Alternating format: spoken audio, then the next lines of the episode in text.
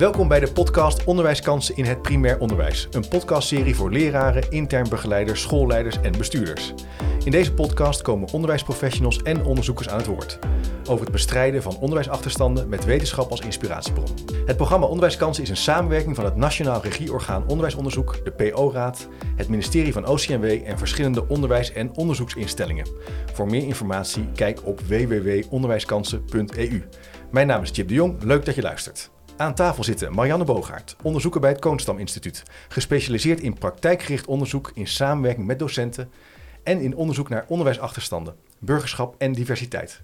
Leuk dat je er bent. Dankjewel. En naast jou zit Daisy Mertens, leraar bij de brede basisschool De Vuurvogel in Helmond, eerder leerkracht van het jaar in 2016 en Global Teacher Prize finalist in 2019 en ook raadslid van de Onderwijsraad. Leuk dat je er bent. Dankjewel. We gaan het hebben in deze podcast over kennis van de wereld en hoe we kennis van de wereld kunnen opbouwen als kerntaak van het primair onderwijs. En dan specifiek gericht op onderwijsachterstanden in het primair onderwijs. Nou, dat is een lange aanloop, maar daar gaan we het over hebben. Marianne, laten we eens even beginnen bij, uh, bij, bij, bij deze kernvraag. Waarom is het nou belangrijk om het over kennis te hebben, specifiek voor deze doelgroep? Kan je daar iets over zeggen? Ja, belangrijk voor leren is dat je kennis hebt. En vanuit de kennis die je hebt, bouwt het ook gemakkelijker voort op uh, nieuwe kennis. Ja. Um, en ja, dat zal iedereen wel weten, maar er is best een verschil tussen wat kinderen meekrijgen van huis uit aan wat dan heet in de literatuur cultureel kapitaal.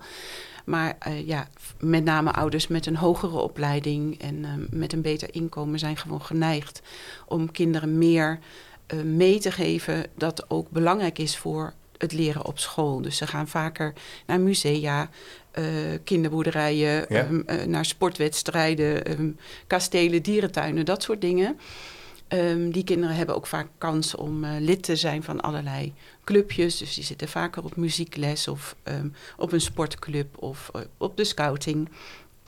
Um, waardoor ze ook een beter, ja, breder netwerk en meer kennis meekrijgen Ja. dan kinderen uit milieus waarin dat minder gebruikelijk is. Ja.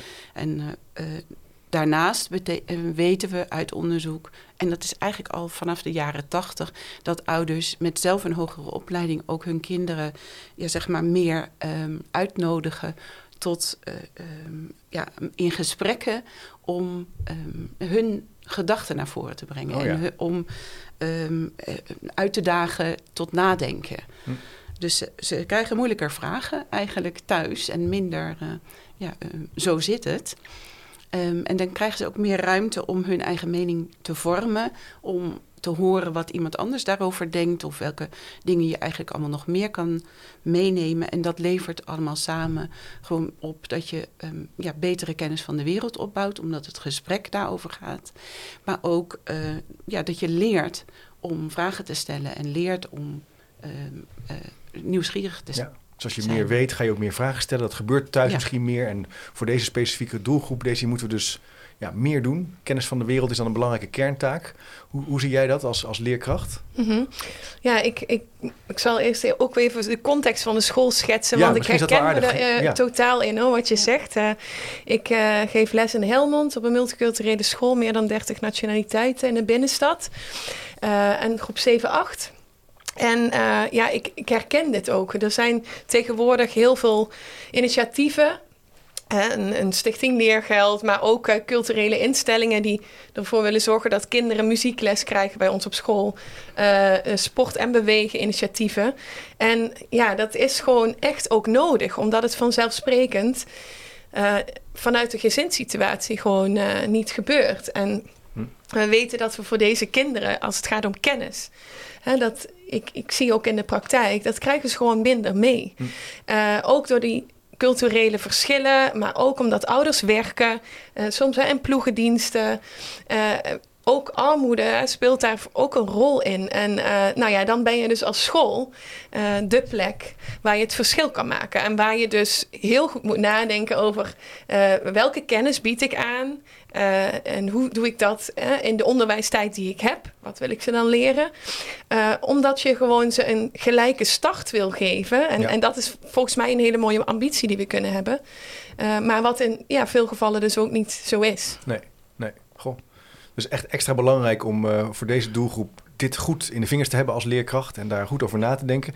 En wat we in deze podcast willen doen, deze is aan de hand van een voorbeeldles. Hè? Eigenlijk het gesprek wat verder uh, uitwerken en de kapstokken waarom het belangrijk is en hoe je het kunt doen wat uitpakken. Um, dus je hebt wat voor ons voorbereid, hè? Dat ja. is wel aardig om misschien even mee te starten. Ja, ik, uh, ik, heb, ik had het al voorbereid. Want het was een lesmodule die uh, een collega en ik hebben ontworpen... over de groei en ontwikkeling van mens, dier en plant. En uh, daarmee wil ik eigenlijk laten zien dat door kennis... en de manier waarop je die kennis opbouwt... en hoe je daar een les geeft... dat dat, ja, dat het echt bij kan dragen aan dat kinderen ook nou, het gevoel hebben... dat ze zelfvertrouwen hebben en dat ze heel veel kunnen leren. En uh, deze les gaat, uh, dus les 13 van de lesmodule. En uh, het gaat over de veranderende omgeving en de isolatie van populaties. En dan denk je misschien, nou, doe je dat in het basisonderwijs? Ja, groep 7, 8, maar dat vraagt wat. we hebben eerst nagedacht over een raamwerk op basis van de kerndoelen. Hè, dus vanuit uh, die groei en ontwikkeling, daar is ook kennis voor nodig. Dus op de PABO begreep ik niet zo goed waarom moet ik nou die basiskennis natuur en techniek, geschiedenis, aardrijkskunde weten. Hm. Nou, hiervoor dus. Hm. En ik heb gekeken in dat boek van die uh, basiskennis en gekeken welke theorie, uh, welke kennis is er over, gekoppeld aan de kerndoelen. En we zijn gaan nadenken, wat willen we aan het einde van deze lesmodule bereiken? En dat is namelijk dat kinderen ehm, de verschillen en overeenkomsten weten als het gaat om de groei en ontwikkeling van mens, dier en plant. Hoe hebben ze zich geëvolueerd? Uh, wat gebeurt er als, nou ja, er uh, een, uh, een van die ehm, drie wordt geïsoleerd? Hoe gaat dat dan? dus, nou ja, dat is het einddoel. Ja. En uh, nou ja, ik, als ik er zo over praat, denk ik, nou, het is ook vrij ambitieus. En ik denk dat het ook belangrijk is. We hebben het vaak over hoge verwachtingen. Maar volgens mij is het een voorbeeld van hoge verwachtingen hebben. Van ik geloof gewoon, ik ga ervan uit dat mijn leerlingen het kunnen. En uh, vervolgens zijn we een planning gaan maken. De kinderen moeten daar voor ook even weten. Uh, hoe is dan die groei en ontwikkeling van de mens, van dier, van plant? Dus daar zit een hele opbouw in. En die benodigde voorkennis ook hier in de les. Uh, um, die, die hebben we beschreven. En iedere les komt daar een beetje bij. Dus je bouwt als het ware uh, die kennis op. En nou ja, we hebben dus al twaalf lessen gehad. En de lessen hiervoor gingen over het begrip evolutie. Hè, wat, wat, wat is de evolutietheorie? Uh, waar komt dat vandaan? Uh, wat betekent survival of the fittest? Dat zijn allemaal dingen die je eerst moet weten voordat je kunt vertellen over hoe die isolatie van populaties nou werkt. En als de omgeving verandert van een dier, wat doet dat dan met dat soort? En um, nou ja, een stukje biodiversiteit en ook de kinderen die begrippen ook van tevoren uh, aanleren, uh, teksten over biodiversiteit lezen, met ze naar buiten gaan, die biodiversiteit zien. En al, ja, al dat soort voorkennis is allemaal nodig om te komen tot nou ja, het begin van deze les. Uh, maar ook um, nou ja, hoe gene cellen aansturen, hoe genetische variatie zorgt voor voortplanting. Dus dat zit er allemaal nog voor. Dus dat is wel even goed om te weten ja. voordat we uh, beginnen met de uitwerking van, uh, van deze les. En um, nou, bij, bij de introductie van de les. Um, hadden we een vraag gesteld van stel je voor dat er een scheur zou komen in de aardlagen. We hadden eerder ook al een thema over processen van de aarde. En er komt een aardverschuiving. Uh, wat gebeurt er dan met die dieren op die plekken? Hoe gaat dat? Dus je neemt ze eigenlijk in de introductie mee in zo'n, in zo'n vraag. En vervolgens gingen we voorkennis ophalen. En die voorkennis die ook nodig is voor deze les. Dus hè, wel, op welke twee manieren kunnen soorten ontstaan? Nou, door kunstmatige en natuurlijke selectie. Wat is biodiversiteit en hoe ontstaat dat in die omgeving? Ja. Hè, dat moeten ze natuurlijk begrijpen om te weten wat als er nou een, hè, een scheur komt en die, en die twee gebieden gaan uit elkaar. Uh, wat betekent evolueren? Wat is muteren? En nou ja, bij het instructie van het concept isolatie in dit geval hebben we ook een uh, tekst uh, lezen met de kinderen. Dus uh, in principe bij de wereldoriënterende vakken gebruiken wij altijd een tekst. Dus we proberen taal ook te verankeren in ja, ja. wereldoriëntatie. En die, die, vind je dan, die zoek je dan op met, hoe gaat dat dan? Kan je er iets over zeggen? Ja, er is natuurlijk ontzettend ja. veel literatuur um, en ook heel veel informatieve boeken. ja, we, we zijn wel echt ook bezig zelf die boeken te lezen. Want je moet nou weten wel weten waar kan ik het vinden. En um, nou, dit is gewoon uh, een tekst uit dat basiskennisboek van natuur en techniek. Maar we we zoeken ook andere teksten bij, zodat de kinderen vervolgens deze tekst kunnen vergelijken met een andere tekst en kunnen zeggen: Oh, hier zien we een voorbeeld van uh, hoe dat gaat bij twee verschillende populaties salamanders. Maar mhm. misschien in de nieuwe tekst krijg ik weer nieuwe informatie over andere dieren en nog net wat meer uitleg over hoe die isolatie bij populaties werkt. En dan vergelijken ze ook die tekst en dan vullen ze dat aan. Dus het is qua taal wordt het ook heel rijk, want je hebt vervolgens ook een, een leesdoel, omdat je twee teksten met elkaar vergelijkt. Ja. Dus niet meer apart begrijpend lezen, maar eigenlijk teksten gebruiken om bepaalde kennis te verdiepen, toe te voegen rondom het centrale thema. Uh, Marianne, als je het zo hoort, dat is natuurlijk wel uh, indrukwekkend. hè? Ja. fantastisch. Als, als, even als onderzoeker, als je zo luistert, en we zetten even de bril van onderzoeker op. Wat valt je dan op als je even zo naar het beginnetje van Daisy's lesopbouw en voorbereiding luistert? Wat, wat zien we? Wat ik hoor bij Daisy is dat ze heel veel uh, dingen gebruikt waarvan we weten uit onderzoek dat ze heel belangrijk zijn voor het opbouwen van kennis. Wat, waar je mee begint al is uh, goede uitleg van de begrippen die je uh, nodig hebt. En daar zit natuurlijk, als het gaat om leerlingen uit achterstandssituaties en leerlingen met ouders met meer opleiding, uh, of uit een gezin waar dat mhm, vaker mhm. voorkomt, um, daar zit een groot verschil. En doordat je um, juist alle kinderen diezelfde basisbegrippen meegeeft, krijg je ook dat ze allemaal kans krijgen om goed te leren. Want eigenlijk, ja, taal speelt een heel belangrijke rol bij leren. En je bouwt vanaf dat je heel klein bent aan een woordenschat. Maar dat is eigenlijk complexer dan dat je een soort stickertje op een voorwerp uh, plakt. We hebben niet in ons hoofd allemaal een soort lang woordenboek waar al die um, betekenissen in zitten. Maar hm. we hebben in ons hoofd een soort netwerk van allerlei concepten. Nou, dat noem jij ook. Ja, precies. Die steeds verder uitgebreid en uh, verdiept worden. En juist als je meer weet over een concept, bijvoorbeeld. Ja, kleuters zal je heel veel doen over handen en voeten en ogen alles wat je kan zien aan het menselijk lichaam. Maar al die kennis heb, hebben die kleuters later in groep 7, 8 nodig om iets te kunnen begrijpen over het spijsverteringskanaal en hoe het gaat met voedsel uh, dat je binnenkrijgt. Dus, zijn ze die, je bouwt dat netwerk van kennis, ja, dat moet je eigenlijk steeds verder uitbreiden groter en, en groter maken. En dat vind ik zo mooi aan um, hoe Daisy het aanpakt, is dat zij inderdaad een thema bij de kop neemt en uh, goed let op hoe kunnen we nou die kennis die kinderen uh, al hebben en de dingen die ze al weten, hoe kunnen we dat verbinden met steeds nieuwe kennis ja. en nieuwe begrippen, zodat het netwerk eigenlijk verbreedt en verdiept. Dus je krijgt steeds meer stukjes informatie als je die goede informatie uh, hebt over een begrip. Als je weet van een hond, uh, dat is, die heeft vier voeten en een harige vacht en die zegt woef dan, dan is dat een begin. Maar op een gegeven moment wil je ook dat de kinderen weten dat het een zoogdier is. Maar dat, dat soort kennis moet je in stappen verschillende soorten zijn en dan kun je daarop voortbouwen. Je, ja, ja, jachthonden en, hebt en eh, precies. waakhonden. En, ja, ja. En, en dan kom je uiteindelijk, hè, dus er zit ook een bepaalde opbouw in. En uh, wat nu Hè, eerder een aantal jaar geleden, als, als je ook kijkt naar de methodes, dan wordt er ook begonnen met een met een quizje of een, een mening. Of, en je, je moet gewoon, of, of met een kijkplaat. Maar als je dan geen kennis hebt, uh, hoe kun je dan echt meepraten over een kijkplaat waar, nou ja, uh, een afbeelding staat van een Romeinse limes? Hè? Wat, wat kan je dan zeggen? Ja, een harnas en een, uh, een leger en ik zie ja, mannen. En dus het is heel beperkt. En het is ook zo als je kijkt naar. Um, bijvoorbeeld het, het, gaan naar een musea naar musea als je naar het Anne Frankhuis gaat. En je hebt weinig kennis over de Tweede Wereldoorlog. En je leest gedeelte uit haar dagboek, ja, dan kan je daar de inleving die je hebt is veel anders. Ja. maar als je die kennis hebt en als je de tijdlijn weet en als je weet dat er stakingen waren uh, um, in die tijd en dat, dat heel geleidelijk aan de Joden steeds meer, min, uh, minder mochten, dat geeft een hele andere beleving. Ook in als je door het um, door die kennis. En als je dan vervolgens een dagboek leest, en lezen zorgt ook hè, dat je meer inlevingsvermogen hebt, dan, dan komt dat nog dieper bij elkaar. Ja. Um, ja.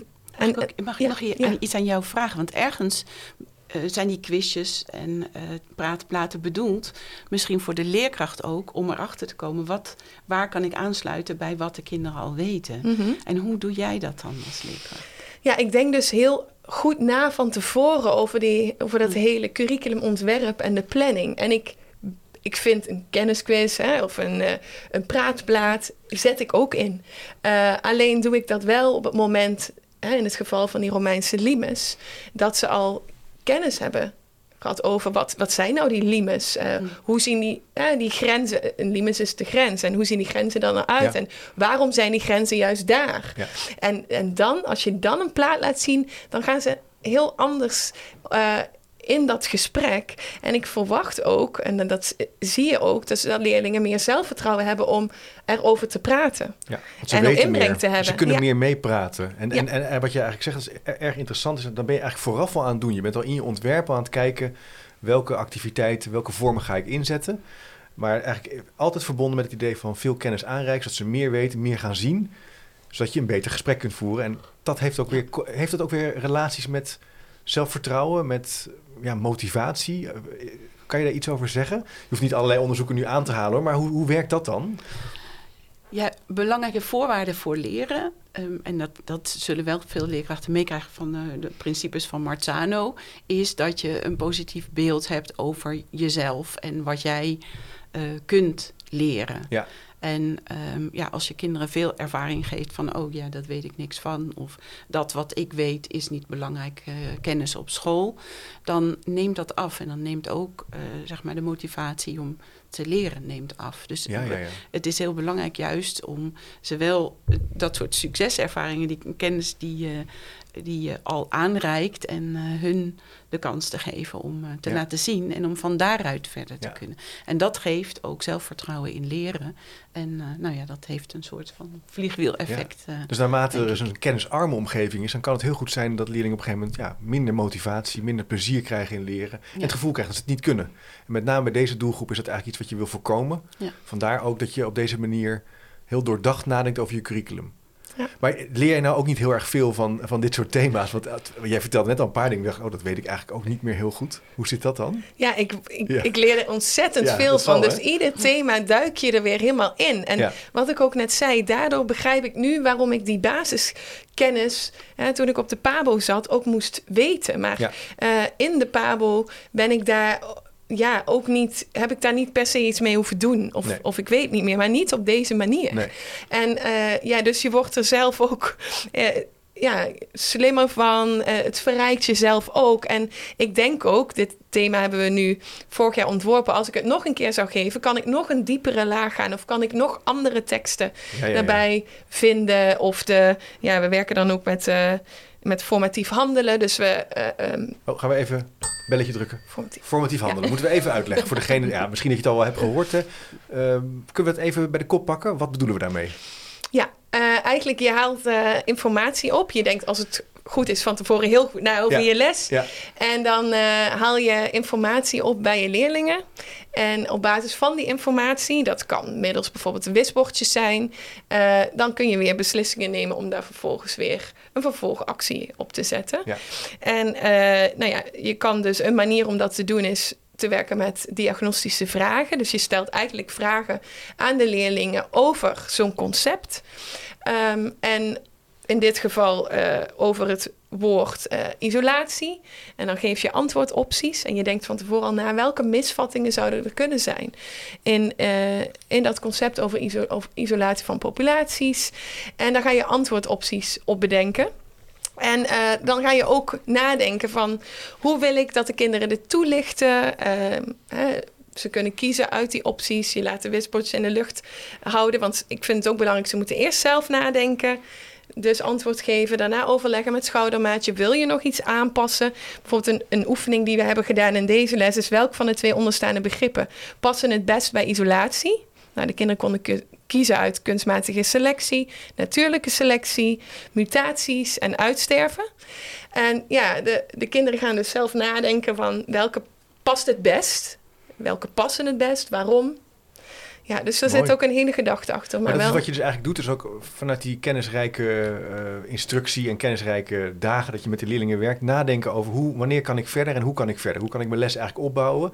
In plaats van dat je misschien, ja, je kan geneigd zijn te kijken naar de methode of, te, nou, we gaan nu die toets doen of we gaan nu die. Het is, klopt dat? Daar dacht, ik, nou, daar dacht ik precies aan. Het is heel anders dan toetsen. eh, weten ze alles al? Eh, maar je wil echt weten ja, waar staat, staan ze in hun kennisontwikkeling en ja. wat zijn de stappen waar eh, vandaan ik eh, ook verder kan. Ja. En, ja. en het is, wat ook leuk is, is dat je echt kinderen ja, zeg maar actief vragen stelt. Ehm, dus je kan, ja, je, je kan ze een tekst laten lezen, maar dan ehm, is het nog niet eens altijd zo makkelijk om de kennis die je hebt daar ook bij toe te passen. En Ja. door wat jij doet, door ze vragen mee te geven en ze dat zeg maar tijdens het lezen te laten uitzoeken, Ja. help je ze ook om, nou ja, dan activeer je de voorkennis. Ja. Help je ze ook om de kennis die ze al hebben, de verbindingen eh, eh, ja, te zoeken. Ja, maar dat is ook wel interessant wat Daisy net zo toelicht in hoe, hoe die lessen eruit zien. Dat is een hele actieve, interactieve uur of drie kwartier. Het is niet zo dat je alleen maar aan het zenden bent. Je bent eigenlijk best wel geregeld eh, ja, aan het checken, wisbordjes, twee eh, schoudermaatjes, op het bord schrijven. Het is, het is vrij interactief. Ja, wat ik ook leuk vind, is het ook ehm, heel veel ehm, vaardigheden die eh inzitten die je nodig hebt om zelfstandig verder te kunnen leren. Ja, Dus wat ze ook leren is ehm, ja, vragen stellen, oplossingsstrategieën bedenken, van mening verschillen en kijken hoe je daaruit komt. ja, eh, onderzoeken wat goede argumenten zijn, waar je betrouwbare kennis kan vinden en welke kennis je misschien met een korreltje zout zou moeten nemen. Ja. Dus al die vaardigheden eh, zitten er ook in. Ja. En eh, ja, je kan van alles zeggen over. ehm, vaak vinden mensen, het, leerkrachten, het moeilijk om kinderen die ehm, ja, minder kennis van huis uit meebrengen, eh, onderzoekend te laten leren.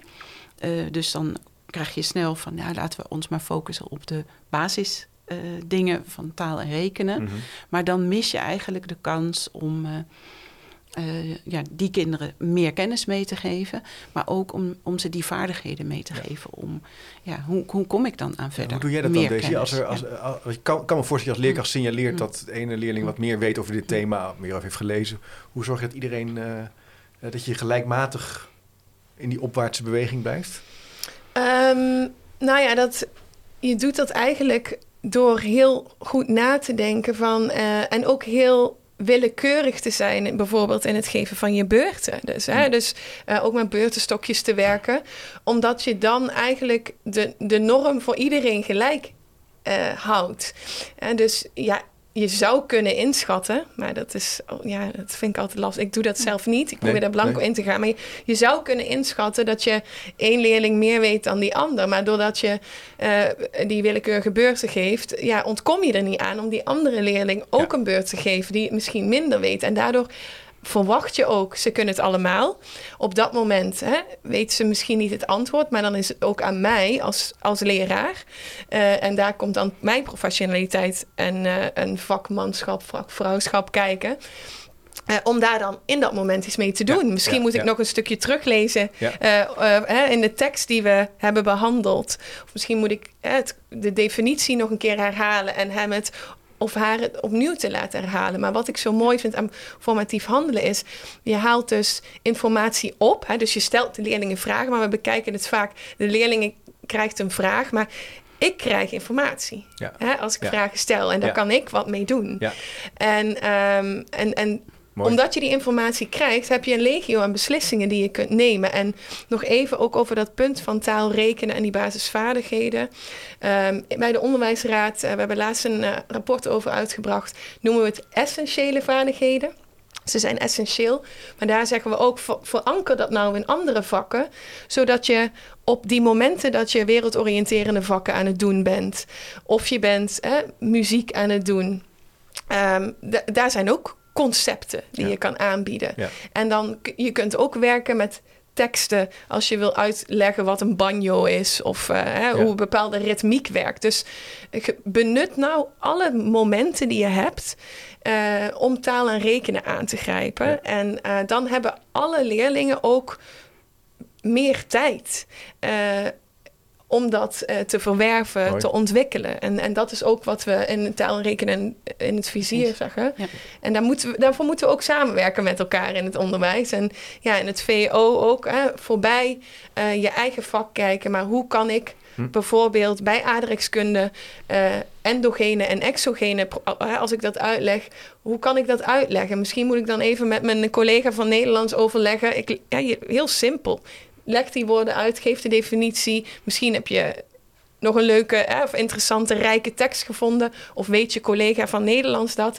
En op die manier ja, komt dat op alle manieren terug, waardoor die gelijkheid voor alle leerlingen ook eh, wordt vergroot. Mooi. Ik wil nog even naar een ander thema. Als je nou eh, met wetenschappelijke thema's of kennisrijke thema's aan de gang gaat, zoals ik noem oerknal, DNA, maar net kwam ook even Anne Franke naar voren. Ik kan me voorstellen dat dat op gespannen voet kan staan met bepaalde opvattingen die mensen of jongeren soms hebben, omdat ze iets niet weten of omdat ze misschien iets geloven. Hoe, hoe ga je daar nou mee om in de klas? Kom je dat ook tegen of is dat iets wat ik eh, nu alleen maar bedenk en wat helemaal niet speelt? Nee, dat, eh, dat was vorige week nog aan de hand in ons thema Oh ja? over eh, zonnestelsel en heelal. Dat hadden we, we hadden ook weer een raamwerk gemaakt samen met Erik Meester, die daar overigens ook in zijn boek Wetenswaardig heel veel handvatten voor geeft, hoe, hoe je dat doet. En de, mm, de tweede les ging dus over het ontstaan van ons zonnestelsel en het heelal. En daar komt natuurlijk hè, die oerknal bij kijken. En ehm, ik, ik vind het dan aan mij om van tevoren te bedenken. Ik heb superveel eh diversiteit in mijn klas. Er zijn kinderen eh, die islamitisch zijn, veel kinderen. Dus hoe ga ik dat oppakken? Hoe ga ik die les geven? Moet dat terugkomen in het doel? We hadden nu ehm, hoe het heelal en het ons zonnestelsel is ontstaan volgens wetenschappers. Want zij hebben daar ook een idee over. Dus dat vraagt ook dat je van tevoren nadenkt en ja, tactvol ehm, bent in je communicatie. Hoe ga ik dat communiceren? En kinderen zeiden ook van... Las een tekst over het begon met een klontje. En eh, om eh, die oerknal te illustreren... En toen zeiden ze van, ja, maar hoe was dat klontje er dan? Dat was toch een god? En eh, hè, op dat moment kun je dat, als je erover na- hebt nagedacht, kun je ook zeggen volgens de wetenschap is het Ja, dit. ja. En, en andere mensen geloven dit. En dan is, is er eigenlijk geen moeilijk gesprek aan de hand. Nee. Eh, dan, het komt ook wel weer neer op, op, op toch deliberate practice, hè? goed voorbereiden, goed ontwerpen. Want Marianne, eh, dit soort thema's spelen natuurlijk, spelen natuurlijk, zijn heel actueel in het Nederlands onderwijssysteem. Eh, hoe kijk jij daarnaar, naar die, dat balanceren, dat een bepaalde mate van tact rondom kennis van de wereld hebben? Ja, ik denk zeker dat dat heel erg belangrijk is om, eh, om ja, daarbij stil te staan. Hm. Hoe, je, ehm, ja, hoe je het zo maakt dat iedereen zich ook veilig eh, kan blijven voelen in jouw eh, groep en Ja. bij het verhaal wat jij vertelt. En je wil ook niet dat, dat er kinderen enorm in de knel komen tussen wat ze op school horen en wat ze thuis leren. Dus het is ook belangrijk als je als leerkracht ehm, ja, actief op zoek gaat naar wat, wat weten kinderen nou? Wat krijgen ze nou eigenlijk mee vanuit hun, eh, Ja. hun huis? En dan is dit één voorbeeld, dat weten de meesten wel. Maar Ja. je kan ook heel goed op zoek gaan met kinderen samen naar hun buitenschoolse kennisbronnen. Dus Oh ja. dan, eh, dan geeft het jezelf als leerkracht ook nog meer handvatten. Ja, ja. Eh, interessant. Dus eigenlijk, is, eigenlijk zeg je daarmee, daarmee ben je werk aan het maken van kritisch denken, van nadenken Ja. over wat je zelf weet, Ja. op welke opvatting die gestoeld zijn. Ja. En dat kan je zelfs met leerlingen doen. Doet een beetje denken aan het onderzoek van Monique Volman. Ja, eh, over, ja, ja. precies, Ja. over buitenschoolse Daar zal leer- ook al wel een podcast voor zijn of komen. Ja, zeker een publicatie. Ik zal ook even een linkje plaatsen op de, bij de show notes. Ja. Dus je zegt, dat kan je dus eigenlijk met, met, met je leerlingen samen doen. Ja. Ja. We hebben daar in een onderzoek eh, met een, met de werkplaats eh, onderwijsachterstanden Amsterdam... hebben we daar met leerkrachten samen een aantal lessen ontwikkeld... Ja. eh, die je helpen als leerkracht om ja, die kennisbronnen te ontdekken... maar ook om ze vervolgens in te zetten. Ja. Kinderen kunnen soms ook heel trots worden van het besef dat onze cijfers... in feite uit eh, het Arabisch eh, Ja. cijfersysteem worden. En dat helpt hun ook weer in eh, ja, zich gewaardeerd voelen. En doordat je ook meer weet, kan me ook voorstellen dat je dan ook wat sterker voelt om je uit te spreken. Om te vertellen hoe je, hoe je ergens naar kijkt of Ja. waar je in gelooft. Of wat je, met, eh, Ja. wat je thuis doet. eh.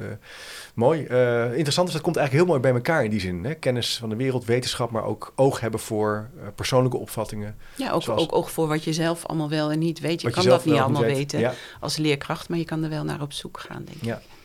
Hey, nou uh, is de tijd op school beperkt. Hè? Uh, je moet goed kiezen uh, wat je wel en niet doet. Ehm, rijke bronnen, goed nadenken over je lesontwerp, kennis van de wereld overdragen. hoe bepaal je dat nou, wat je wel en niet doet? Als je nu luistert en denkt, ik wil hier wat mee. Kunnen we eens wat handreikingen schetsen, Marianne? Kan je eens een beginnetje maken als je zo terugblikt op, op nou ja, nou ja, als het gaat om, om uh, kennis van de wereld, heb je gewoon kerndoelen uh, voor wereldoriëntatie. Ik denk dat dat al een mooi uh, houvast geeft. Ja. zeker als je dat zo breed opvat dat je die ook in lessen over taal of begrijpend lezen, dat je die gebruikt om um, juist aan dat soort onderwerpen te werken. Want eh, wat nogal eens gebeurt is begrijpend lezen via losse teksten. En dat lijkt dan gemakkelijker. Maar het nadeel is dat je dan eigenlijk niet de diepgang bereikt en de verbindingen uh, ja, in de kennis zoals wat jij nu uh, ja. vertelt. Ja. Dus dat, dat zou ik zeggen. En, nou ben ik het kwijt wat ik nou nog meer wou zeggen. Nou, dan gaan we nog even. Eh, ik denk dat deze misschien wel. ja, ja maar ook op de site van SLO heb je kennis inhouden. Dus daar staat eigenlijk heel kort um, welke kennis er is. Uh, maar ook die basiskennisboeken um, die ik al eerder noemde, dat, dat is ook een, een fijne bron, maar zeker ook die rijke teksten. Want hè, we zeiden dat net al even, en dat is misschien ook wel goed om expliciet te benoemen. Maar de klas wordt dan dus een taalgemeenschap. En zeker met deze hè, um, leerlingen, waar wordt die taalgemeenschap gecreëerd? Dat, dat moet in gezamenlijkheid vanuit die kennis. En dan ja, eh, praat je met elkaar over dezelfde dingen. En dan wordt het gemeenschappelijk vanuit die bepaalde ambitieuze doelen die je hebt. En uh, het praten over tekst is overigens ook ontzettend belangrijk En, en, en helpt, draagt ook bij in het begrip. Um, dus de rijke teksten zijn ook zeker een bron, maar hè, die kapstok van de kerndoelen. En, ja, dus echt werken aan een taalgemeenschap. En misschien als ik je een beetje mag souffleren, maar wat jij, wat jij mij triggerde in het begin van het gesprek, dat er een doorlopende leerlijn is, waardoor je die wereld eigenlijk steeds groter maakt. Hè? Dus dat het dus ook goed snappen hoe leren eigenlijk werkt. Ja, ik denk dat het ook heel belangrijk is om met je schoolteam na te denken over een curriculum voor wereldoriëntatie. Um, dat je, ja, wat je kan opbouwen van groep 1 tot en met groep 8. Wat willen we nou ja. echt dat kinderen aan het eind uh, meenemen als ze naar het middelbaar onderwijs gaan? En dat past bij dat idee van ja, leren gaat in cirkels die je steeds groter maakt. Ja, dus, dus, over je eh, grenzen van je klas heen kijken, dat samen doen. Maar ik kan me voorstellen, dit begint klein. Hè? Dit begint bij één les, bij, eh, bij één periode zou je kunnen zeggen. Mhm. dus ook niet meteen heel groot starten, maar goed even daar succes van maken. Maar na verloop van tijd natuurlijk dat met elkaar ja. uitwerken. Interessant. Ja, je zou bijvoorbeeld kunnen beginnen, want dit is een hele ontworpen lesmodule. Maar ik kan me ook voorstellen dat luisteraars denken van ja, uh, wij hebben een bestaande wereldoriënterende methode. Ja. Maar je kan al heel simpel beginnen met het kijken naar een rijke tekst die past bij je thema. En, en hoe, hè, welke informatie kunnen kinderen daaruit halen. En dat vergelijken met de tekst in de wereldoriënterende methode. Dan zul je al vrij snel merken dat die teksten vrij hè, arm zijn. En dan vervolgens ga je ze een, een les bezien vanuit... Uh, oh, welk concept staat hier centraal? Ja. Um, want vaak worden er echt vijf, zes concepten in één les gepropt. Te veel. Terwijl uh, het eigenlijk dan zou moeten gaan over verstedelijking. En dan heb je ook weer daar die kapstok. En dan middels die teksten en middels uitleg, maar ook bordwerk, hè, dat hoort er allemaal bij. Um, zo kun dus je kunt dat ook uitbouwen, ook met een bestaande uh, methode die je al gebruikt. Kijken naar je bestaande methode, teksten erbij zoeken. het kan, kan ook literatuur zijn, het kan uh, aanvullende uh, informatie zijn. Op die manier eigenlijk gaan doorbouwen en gaan ontwikkelen.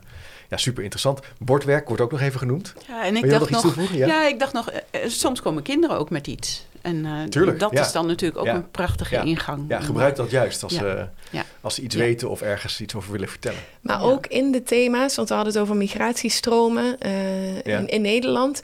En toen kwam het gesprek over gastarbeiders op gang. En, en ook die momenten, omdat die kinderen toen begrepen van, ah, maar zo is dat gegaan. Zo zijn die ontwikkelingen gegaan. Kregen we ook daardoor een goed gesprek. Ja, ja, ja. Mooi ja.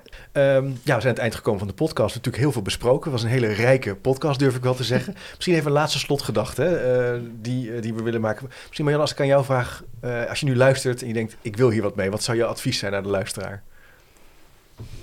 Het eerste waar je aan denkt? Ehm, ja, inderdaad klein beginnen. Neem een thema wat je heel uh, erg, wat, je, wat jou ook zelf boeit, waarvan je weet dat het kinderen uh, kan boeien. En um, ja, begin daar gewoon aan. En, om, om, en dat hoeft, je hoeft niet, je kan het per jaar opbouwen. Ja. Je hoeft niet uh, alle thema's ineens te doen. Mooi. Daisy, laatste gedachte? Ja, ik zou ook zeggen, zorg gewoon voor duidelijkheid in je thema. in methodes worden nu allerlei filosofische uh, lestitels bedacht. Hè, de aarde als puzzel, maar begin gewoon met exogene, endogene processen. Uh, en uh, de, de, de binnenkant van de aarde. Dat voor leerling ja. gewoon helder is waar je het over gaat hebben. En, en zorg dat dat helder blijft en dat je aanhoudend met dat thema bezig bent. maar ook, ik, dat heb ik nog niet ook gezegd, maar nadenkt over welk leesboek ga ik dit thema lezen bijvoorbeeld bij het thema over de Romeinen laatst had ik de keuze uit twee prachtige boeken van Simone van der Vlucht. Slavering en de Rode Wolf, echte klassiekers. Ik vind ze geweldig. En uh, toen heb ik gekozen voor de Rode Wolf. Het, uh, het bezien van uh, een Romeinse jongen die uiteindelijk naar een, een Germaans kamp gaat. en niet vrijwillig overigens. Maar dat dat ja. versterkt ook nog eens dat begrip van dat thema omdat je je kan identificeren met zo'n persoon ja. en dan dus ja. zeg maar de wereld ook eens van een heel ander perspectief uh, kan verhalen. bekijken. Ja. En uh, verhalen zijn daarin heel belangrijk. Ontzettend mooi. Nou, ik denk dat dat een heel mooi uh, slotakkoord is van een, uh, van een hele rijke podcast. Dankjewel voor jullie, uh, voor jullie mooie introductie op het thema. Um, beste luisteraar, dit was een podcast in de serie van het programma Onderwijskansen. Check zeker even www.onderwijskansen.eu. En dit is een samenwerking van het NRO, de PO-raad, OCMW en diverse onderwijs- en onderzoeksinstellingen. In de speakernotes van deze podcast staan alle bronnen nog even op een rij, mocht je dat nog even willen nalezen. Nou, check dus zeker even www.onderwijskansen.eu. En ik wil mijn gasten Marianne en Daisy hartelijk danken voor hun medewerking. En vergeet je natuurlijk niet te abonneren op deze podcast, zodat je op de hoogte blijft van nieuwe afleveringen, nieuwe publicaties en nieuw onderzoek. Tot de volgende keer.